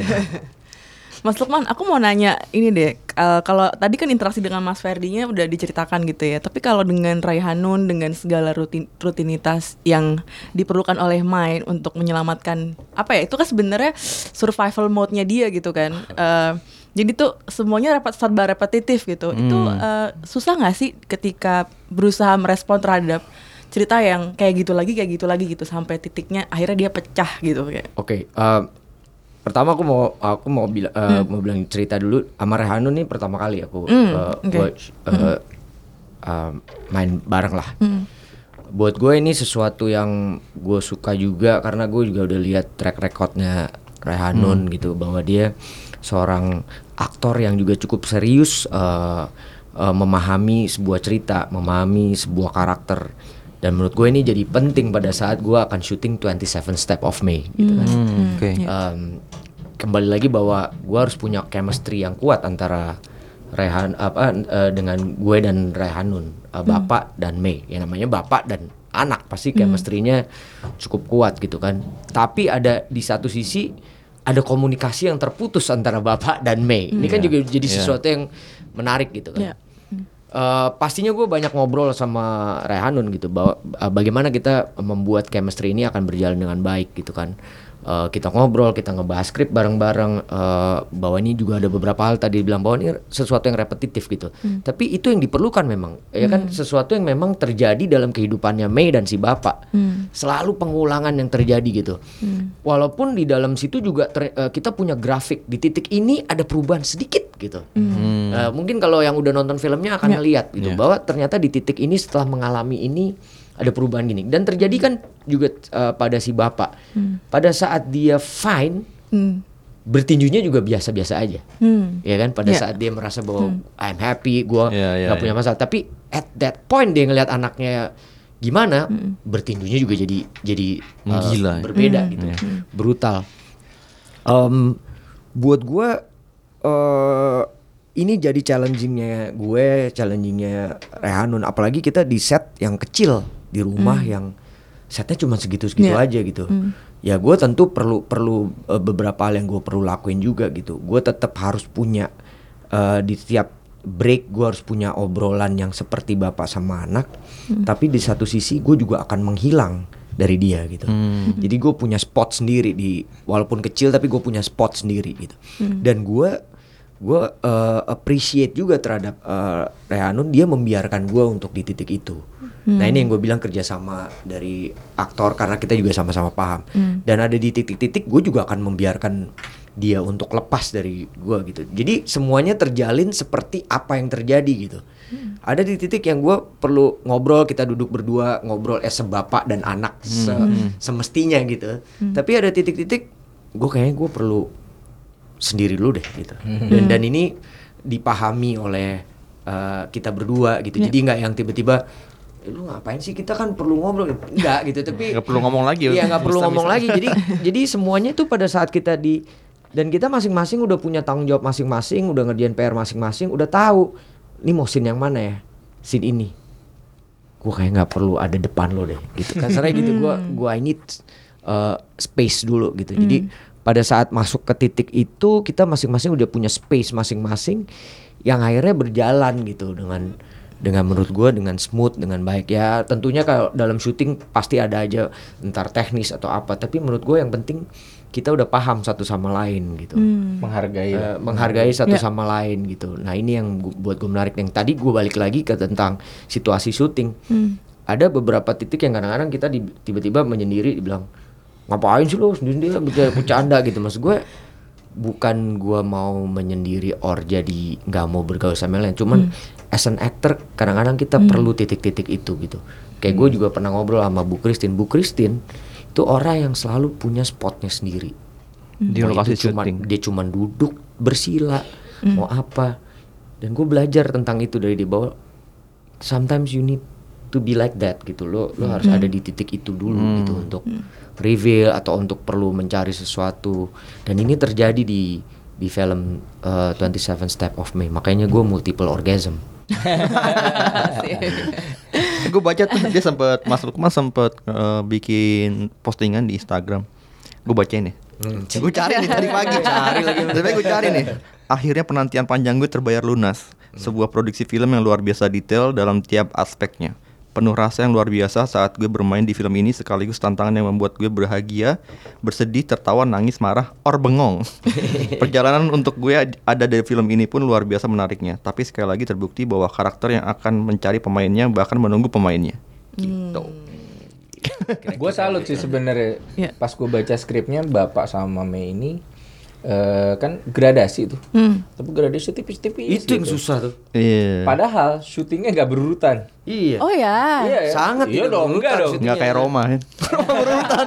Kalau legal order. Masuk laron. iya gitu yo tinju tinju dulu Iya. semua yang rumah areas itu situ semua gitu mungkin eh, apa namanya eh, ada beberapa scene yang memang Toto itu lu scene ending kapan tuh Scene ending malah bukan di awal-awal, maksudnya scene ending bukan di awal memang, eh, tapi bukan di akhir juga gitu. Jadi eh, di hari gua hari pertama gue syuting first day production itu berjalan, itu syuting yang di street fight semua tuh, yang di dalam kurungan. Jadi kita start dari jam 4 sore udah di lokasi sampai subuh begitu terus gue buka baju terus gue masuk angin terus. ya, udah tahuan deh umurnya kalau masuk angin dulu ya. Teh tolak angin, teh tolak angin tuh ya. Eh, merek lah. Eh, iya. Gak apa-apa, Berapa showbox. kali merek lu? Eh, coba tolong si Do muncul itu. Kasih pesaing.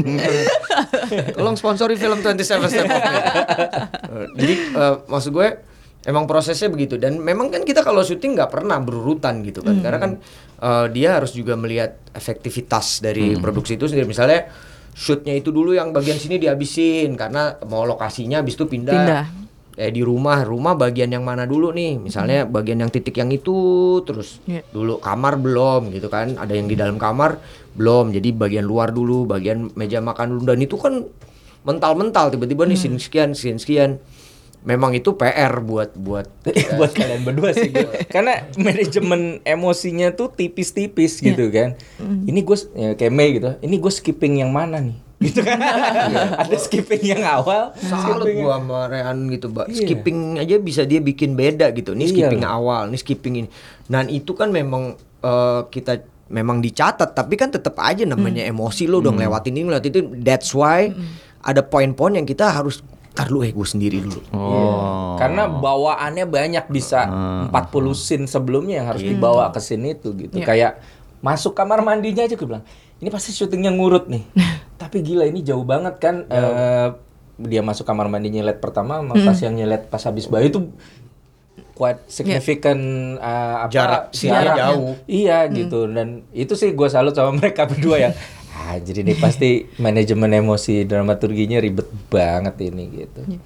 Kalau Ferdi sendiri kan bertemu dengan Mei tidak ada dalam film ini kan. Iya. Nah, gimana cara Ferdi mem- membuat eh, karakter kurir ini jadi punya ikatan emosional yang kuat banget dengan bapak ayah Mei dan Mei sendiri gitu.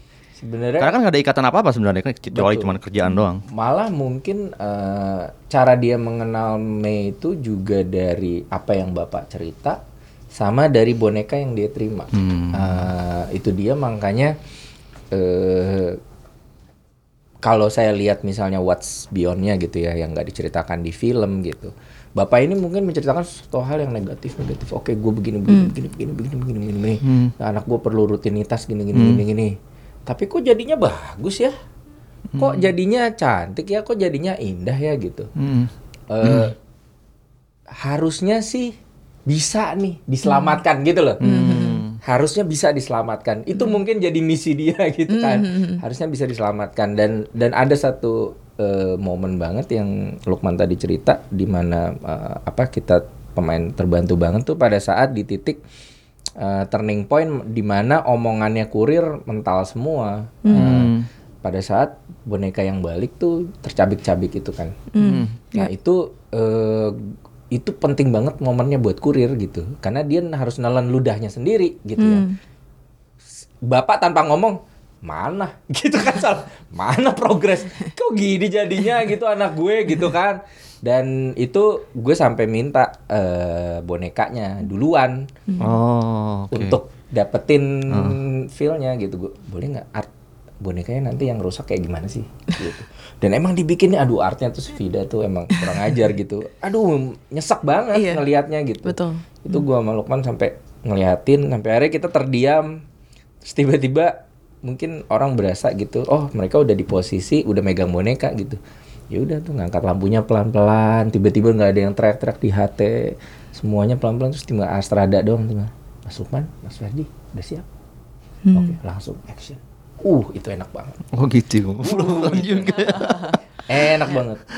Karena ya itu kita kada hampir nggak pernah dapat privilege seperti itu. Kayak Lukman bilang tante Christine harus nyari spotnya sendiri kok di sana mah dikasih trailer ya? Gitu kan. Di sini boro-boro gitu jarang banget. Kalau ada. syuting setiap film. film ada trailer trailer pak. Oh trailer ya? Iya pak. Trailer. Nggak gue Bukan kadang-kadang mobil trailer. Bukan mobil. Enggak, yang gue kadang-kadang menyedihkan kalau syuting film sama eh, apa internasional gitu. Cie, pemain utama bule satu trailer. Wah, pemain utama eh, bule cewek satu trailer. Pemain Indonesia. Semuanya satu trailer. Jadi satu. Masuk satu. Masuk satu trailer. Itu itu Bayu sempat Nggak protes ya. harus ya. bersyukur masih trailer daripada odong-odong. Keliling-keliling nanti. Iya. Eh, aku mau nanya juga soal tema film ini sih. Eh, tema film ini kan sebenarnya ada kekerasan terhadap perempuan juga, tapi sebenarnya juga menggali apa ya trauma eh, yang berkepanjangan kan dari dia SMP ya itu. SMP, SMP, kan ya SMP nasi. sampai dia besar gitu ya. Eh, gimana eh, Mas Lukman dan Mas Ferdi merespon eh, tema ini dan apa ya? Mungkin eh, menghayatinya juga gitu dan dituangkan dalam bentuk acting gitu. Kalau gue mungkin karena gue punya anak perempuan ya, makanya jadi sangat sangat eh, apa langsung gitu relate ke gue gitu dan eh, memang apa namanya kalau sudah kejadian gitu gue juga dengar dari eh, apa namanya eh, yang kejadian Mei 98 yang Iya. memang menginspirasi bukan dari kejadian itu juga gitu tapi menginspirasi itu itu jadi relate sama gue rat gitu. Dan eh, apa namanya akibat-akibat dari itu tuh masih masih berlangsung loh gitu. Mereka belum selesai loh Ini trauma Dengan- dengan- trauma sebuah generasi juga ya mas? Iya sebenarnya. gitu. Dan nggak selesai gitu nggak selesai secara psikologis nggak selesai secara hukum nggak selesai unfinished gitu.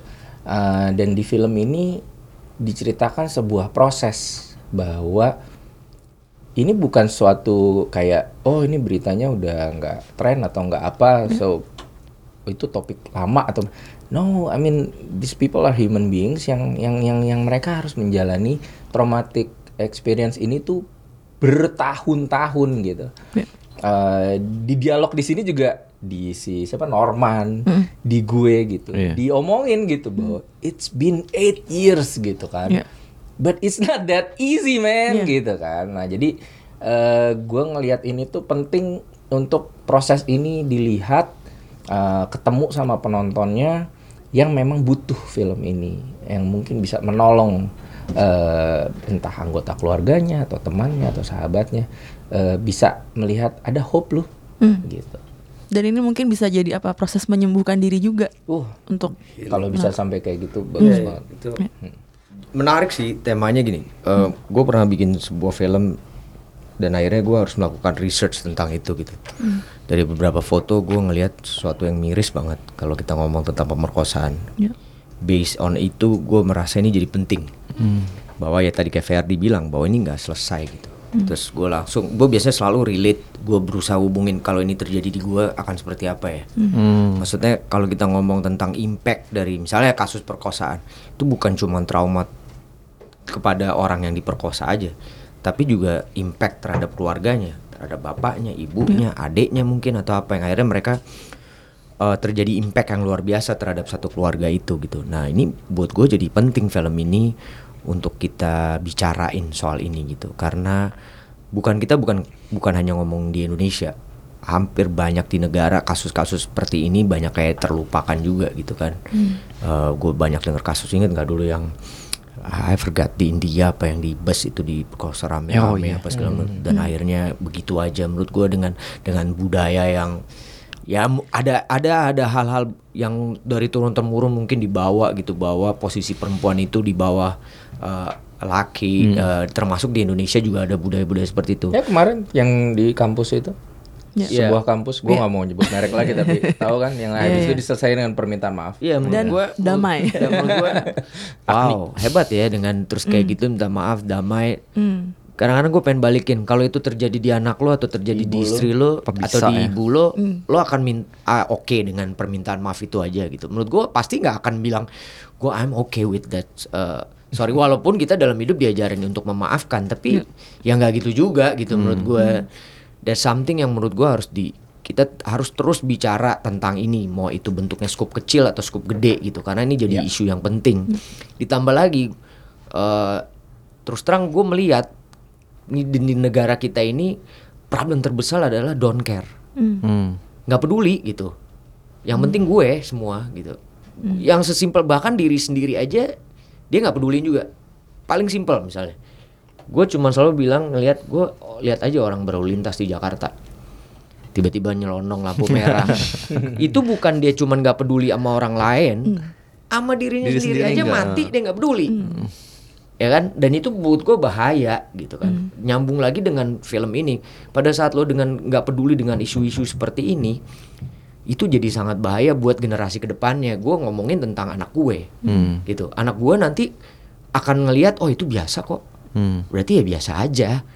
Dan efeknya sangat nanti bahaya gitu. Maksudnya pada saat anak-anak itu ngelihat ini sesuatu hal yang biasa dan bisa dilupakan begitu saja pasti namanya anak akan ngelihat bahwa oh itu berarti akan biasa-biasa saja gitu.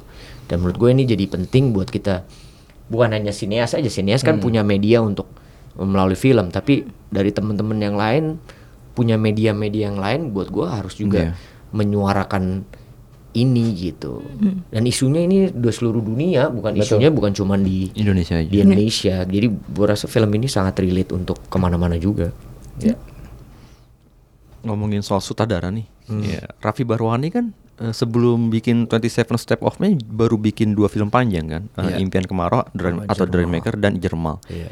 Eh, kalian sendiri ketika dapat project ini udah pernah kenal dengan Raffi dan tahu gimana orangnya enggak? nggak gue kenal karyanya tapi gue nggak tahu orangnya waktu itu jadi gue nggak tahu Nonton Raffi. Jermal, Mas? nonton gue nonton eh, dua-duanya gue nonton menurut gue Oh iya, Impian Kemarau juga nonton? Iya, Wih, gua bilang, mantap. "Wah, ini ini sutradaranya oke juga ya, gue menarik banget ya dia cara bertuturnya, cara apa gitu kan. Dan dia berani gitu, maksud gue punya keberanian untuk keluar dari mainstream gitu, maksud gue kan.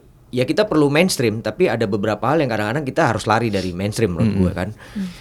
Terus tiba-tiba eh datang dengan project tiba-tiba Raya bilang eh gue mau bikin film sama Raffi Raffi Hu gue bilang Raffi Ahmad gue bilang RA film ini. Raffi Ahmad tuh gitu. Anak lu Rafathar jadi Iya. Dr. Rehanun. Raffi gue sebut-sebut loh nama lo saya gue oh wow gitu gue bilang serius lo gitu oh are you sure lo mau ngajak gue gitu kan iya gini gini gini gini gini Eh, akhirnya actually sebenarnya pertama tuh gue ditawarin yang pesulap Oh iya, Arya Bayu harusnya. Ah. Yang tapi buat gue itu Arya Bayu. challenging juga karena mereka bilang bahwa itu menarik loh lo dengan gestur tangan tapi lo bisa bicara gitu. Iya, buat gue itu sesuatu yang karakternya. gila nih. Gue jadi gue udah ngebayangin jadi karakter yang lo melalui gestur cuman tangan lo kelihatan bicara apa itu kan juga buat Iya, iya, iya. buat gue juga sesuatu yang Gue gila kebayang nih, sih gitu. kalau lu jadi pesulap juga sih. Seru sih. akhirnya teman akhirnya berkembang akhirnya tiba-tiba mereka eh, point gua untuk eh, jadi bapak dan itu juga challenging dan gue akhirnya bisa tahu banget oh Raffi itu ternyata memang gua gua ngeliat kan bahwa filmnya ini pasti orangnya detail dan ternyata benar Sangat. orangnya ternyata detail. Dan orangnya itu sabar gitu menurut gue Iya. ini orang kok sabar banget ya? Terus maksudnya nggak ada di set tuh kayak teriak-teriak Yeah, atau apa apa segala macem. Jadi kayak kayak kok ada ya maksud gue bisa sutradara yang kayak sesabar ini gitu terhadap situasi apa pun dan gua rasa kan untuk membuat film ini emo secara emosional juga nggak gampang buat sutradara. Dengan lokasi yang sempit ya kan? Eh, eh, Budgetnya juga budgetnya bukan juga yang- bukan budget yang besar gitu kan. Untuk proses ini juga gua tahu banget dia untuk nggak nyari sponsor dan segala macam bukan hal yang mudah. Karena kan dia bukan hanya as a director mikirin filmnya jadi abis itu dia diem aja gitu kan. Dia juga. bareng-bareng uh, produce juga. Jadi buat gua nih suatu hal yang luar biasa gue bisa kenal Raffi gue bisa kerja sama sama dia. Bahkan gue menunggu gue bisa kerja sama lagi bareng bareng Raffi bareng Raya gitu. Dua orang ini menurut gue dua orang yang sangat luar biasa dalam produksi film Indonesia sih. Dan mereka bergabung tuh something ya. Raya digabung sama Raffi tuh menurut gue jadi dua R sih. Iya. Enggak maksudnya bagus gitu kombinasinya. Gue sebelumnya gue cuman denger kat, eh, rayanya dulu sebagai penulis. Raffi itu gue tadinya belum pernah denger. Cuman dulu gue pernah di produksi Komodo Film Amphibious 3D. eh, Angkara Murka waktu itu judulnya. Gue pernah dikasih vid- eh, DVD itu Jermal. Jermal. Uh, almarhum Didi Petet main di situ. Cuma masih diplastikin tuh, gue belum buka. gue juga bingung, maksudnya film yang gue mau syuting itu kayak cult horror monster Iya. gitu. Gue dikasih film Jermal, gue baca, ini kayak film festival gitu. Jadi gue nggak tonton. Iya, Karena gue akhirnya nonton film-filmnya si Brian Yusna yang sutradaranya Iya. uh, buat Amphibious itu. Nah, pas dibilangin, "Oh, direkturnya Raffi." Raffi yang mana? Itu yang waktu itu nyutradain Jerman. Oh, gue punya DVD-nya. Habis itu gue baru nonton baru mana tuh DVD wah gue buka plastiknya baru gue nonton gitu dan eh, ya kayak lu mana tadi, wah ini orang storytellingnya oke ya gitu, maksudnya eh, dia dari sini dari KJ dan Jerman kan juga nggak banyak ngomong, Bang. Iya. Iya, sama Itu, Impian Kemor juga itu. iya, sama- iya, semua film-film yang eh, minim dialog gitu ya. minim dialog. Malah Itu. tadi gue mikir, jangan-jangan emang sutradara jarang ngomong nih. Ternyata Enggak. Oh, Eh, dan dan dia memang apa ya eh, ngomongnya nggak nggak banyak tapi begitu ngomong tuh eh, meaningful gitu. Jadi jadi kita emang better listen when he speak. Karena eh, pada saat diskusi eh, tadinya gue juga takut banget kalau misalnya workshop atau reading tuh sama director karena takutnya dia udah menentukan everything before kita even masuk gitu kan. Eh wah ntar gue ngambilnya dari sini lu jangan lihat ke kamera pokoknya lu ke sana aja apa kayak gitu-gitu kan. Eh ternyata dia enggak dia banyak listen. Dia sit back nge- ngedengerin gua sama Lukman ngasih eh, apa pendapat kita gitu dari situ dia berangkat akhirnya membuat sesuatu dari masukan itu menurut gue wow Tapi sangat rendah hati ya buat seorang Jadi- sutradara egonya kayak gitu Menarik banget. Jadi kemarin kita baru tahu. Jadi eh, bukan yang tiba-tiba serta merta dia dengerin pemainnya aja dia belum bikin apa-apa terus dia jadi akhirnya baru dia Iya. bikin. Jadi dia udah punya storyboard yang udah dia bikin. Tapi pada saat akhirnya kita diskusi dia melihat kalau sesuatu yang bagus kenapa nggak Dia gua ambil. Adjust, ambil gitu. iya. Jadi jadi ada beberapa yang storyboard dia udah bikin based on akhirnya kita diskusi akhirnya ber- berubah memang. Gitu. Jadi bukan yang serta merta ya lu ngomong apa gua udah punya storyboard, gua mau bikin gini, shotnya dari sini apa gitu. dia punya kerendahan hati itu sebagai sutradara menurut gue is a very plus dan kita jadi akhirnya punya tanggung jawab lebih besar untuk ngasih dia sesuatu bukan yang Raf lu di sini maunya gue gimana ntar gue ngapain gue berdiri di mana kan kalau kayak gitu jadinya nggak jadi apa-apa ya Iya, iya. nah Eh, kita ini gue berdiri di sini kenapa? Enggak karena kameranya dari situ. Nah nggak menjawab. lu mau gue nangis air mata di mata kiri atau di mata kanan mau ngembeng apa mau netes gitu Iya buat kita tuh nggak ngejawab kalau kayak gitu. Kalau gue berdiri di sini maksudnya apa? Karena kameranya ngambil sini. Nggak ngejawab. Nggak ngejawab kalau kayak gitu. Sering ya pasti. Adalah. Adalah, adalah. 72 film pasti ketemu macam-macam. Aduh. Oke, Iya, iya. thank you banget nih Mas Eh, Lukman, Mas Ferdi udah main ke Showbox. Abis ini bakal tayang di mana lagi nih berdua nih? Oh, banyak banget. Visitnya atau apanya Nggak nih? tayangnya. Oh, Belum, film lain, film lain. Film lain. Setelah Kalau Plenty gua Seven Stars. Film ke-73, film ke-50. Ferdi lumayan jarang nih main bareng. Iya nih. Kalau sama Arif Nuikana gue bilang kita berapa kali film bareng tuh kan. Gue bilang, nu kita berdua bikin paket aja. Jadi begitu mau ini ada Rizno ada Lukman satu paket lebih murah loh. kita main berdua. Soalnya waktu itu sempet berapa kali beruntun Gila, sama dia terus. Agung, Hampir ya. satu lagi tuh mau bareng sama dia gue sampai bilang, gue bareng lo lagi mah enak gue. Iya, Wiro Sableng apa Sultan Agung waktu itu ya? Iya, gue dan gua- Dua-duanya. Dan gue kecil untuk Tuhan. Oh iya. dan gue nonton Dan- itu sehari tuh. Iya kan? Sultan Agung sama Wiro Dan jadi sehari. dua orang yang berdekatan Dan terus. perannya mirip. Dekatan gitu. Di surat kecil tuh untuk Tuhan dia jadi anak buah gua. Iya. Di Wiro Sableng jadi anak buah gua. Di Sultan Agung jadi ya di ah, keponakan gua ya anak buah gua juga. Emang gua bilang nasib lo emang anak buah. Itu sempat terjadi sama gua mance. Oh iya. Lima cowok jagoan dia jadi ajudan gue. Guru apa guru ngaji dia jadi anak buah pekerja gue. Tiga kali tuh kalau nggak salah gue ketemu Unce dalam satu tahun. Eh, lucu sih. Makanya satu Jodoh paket ya. lebih murah. Iya, paket. benar-benar. Oke, you. Mau bikin talk show loh mau Unce. Apa? Ayo dong bikin. Namanya Benang Merah Perfilman Indonesia. Tambah satu. Kocak juga sih kalau bikin kayak gitu tuh bikin talk show boleh tuh. Iya. Ada Sabto. Oh iya, dia juga selalu muncul ya. Sering banget tuh muncul Sabtu. ya. Sering banget. Thank you banget eh, Mas Lukman, Mas Ferdi. Semoga Terima sukses kasih, filmnya. Gue Amin. suka Amin. banget. Eh, menurut gue ini salah satu film terbaik di Indonesia. 27 Sebenarnya April, jangan lupa. tak- iya, 27 April. 27 April Di bioskop nontonnya, Iya. jangan minta link, jangan nunggu YouTube. Suka ada yang gitu ya. Ada yang kayak gitu. "Eh, kapan di TV ya? Ya. gue bilang. Kalau Mas Ineas Di TV. haram pertanyaan Tapi kapan emang di TV. harus nonton di bioskop sih. Ya, Iya. betul. Itu film bagus banget di bioskop. Iya. Emang. Betul betul. Eh, gue dua screening yang berbeda Plaza Indonesia sama di eh, JAV waktu Oh, di itu. JAV. Itu apa ya aura penontonnya tuh kerasa banget loh. Apa sih ketawanya, nangisnya, apanya? Itu gue Oh jadi waktu itu lu nonton ada Aura Kasih datang. bukan belum. Eh, Oh, Aura. eh, Aura undang ya nanti. Iya, kalau udah, ada. udah. Aura Kasih datang ya. Kita udah banyak nyebut nama merek, nama pemain lain. Ini kalau kadang didengerin, berhubungan juga. Catat semua nih Mas Ence nyatet kan. Tadi Iya. siapa lagi tuh Mas Rifnu nyatet. Nama film juga banyak loh. Oh iya iya. uh, ya pokoknya nonton di bioskop. yeah. Jangan tanggal 27 dulu. April 2019 ya. yeah. Alright, thank you.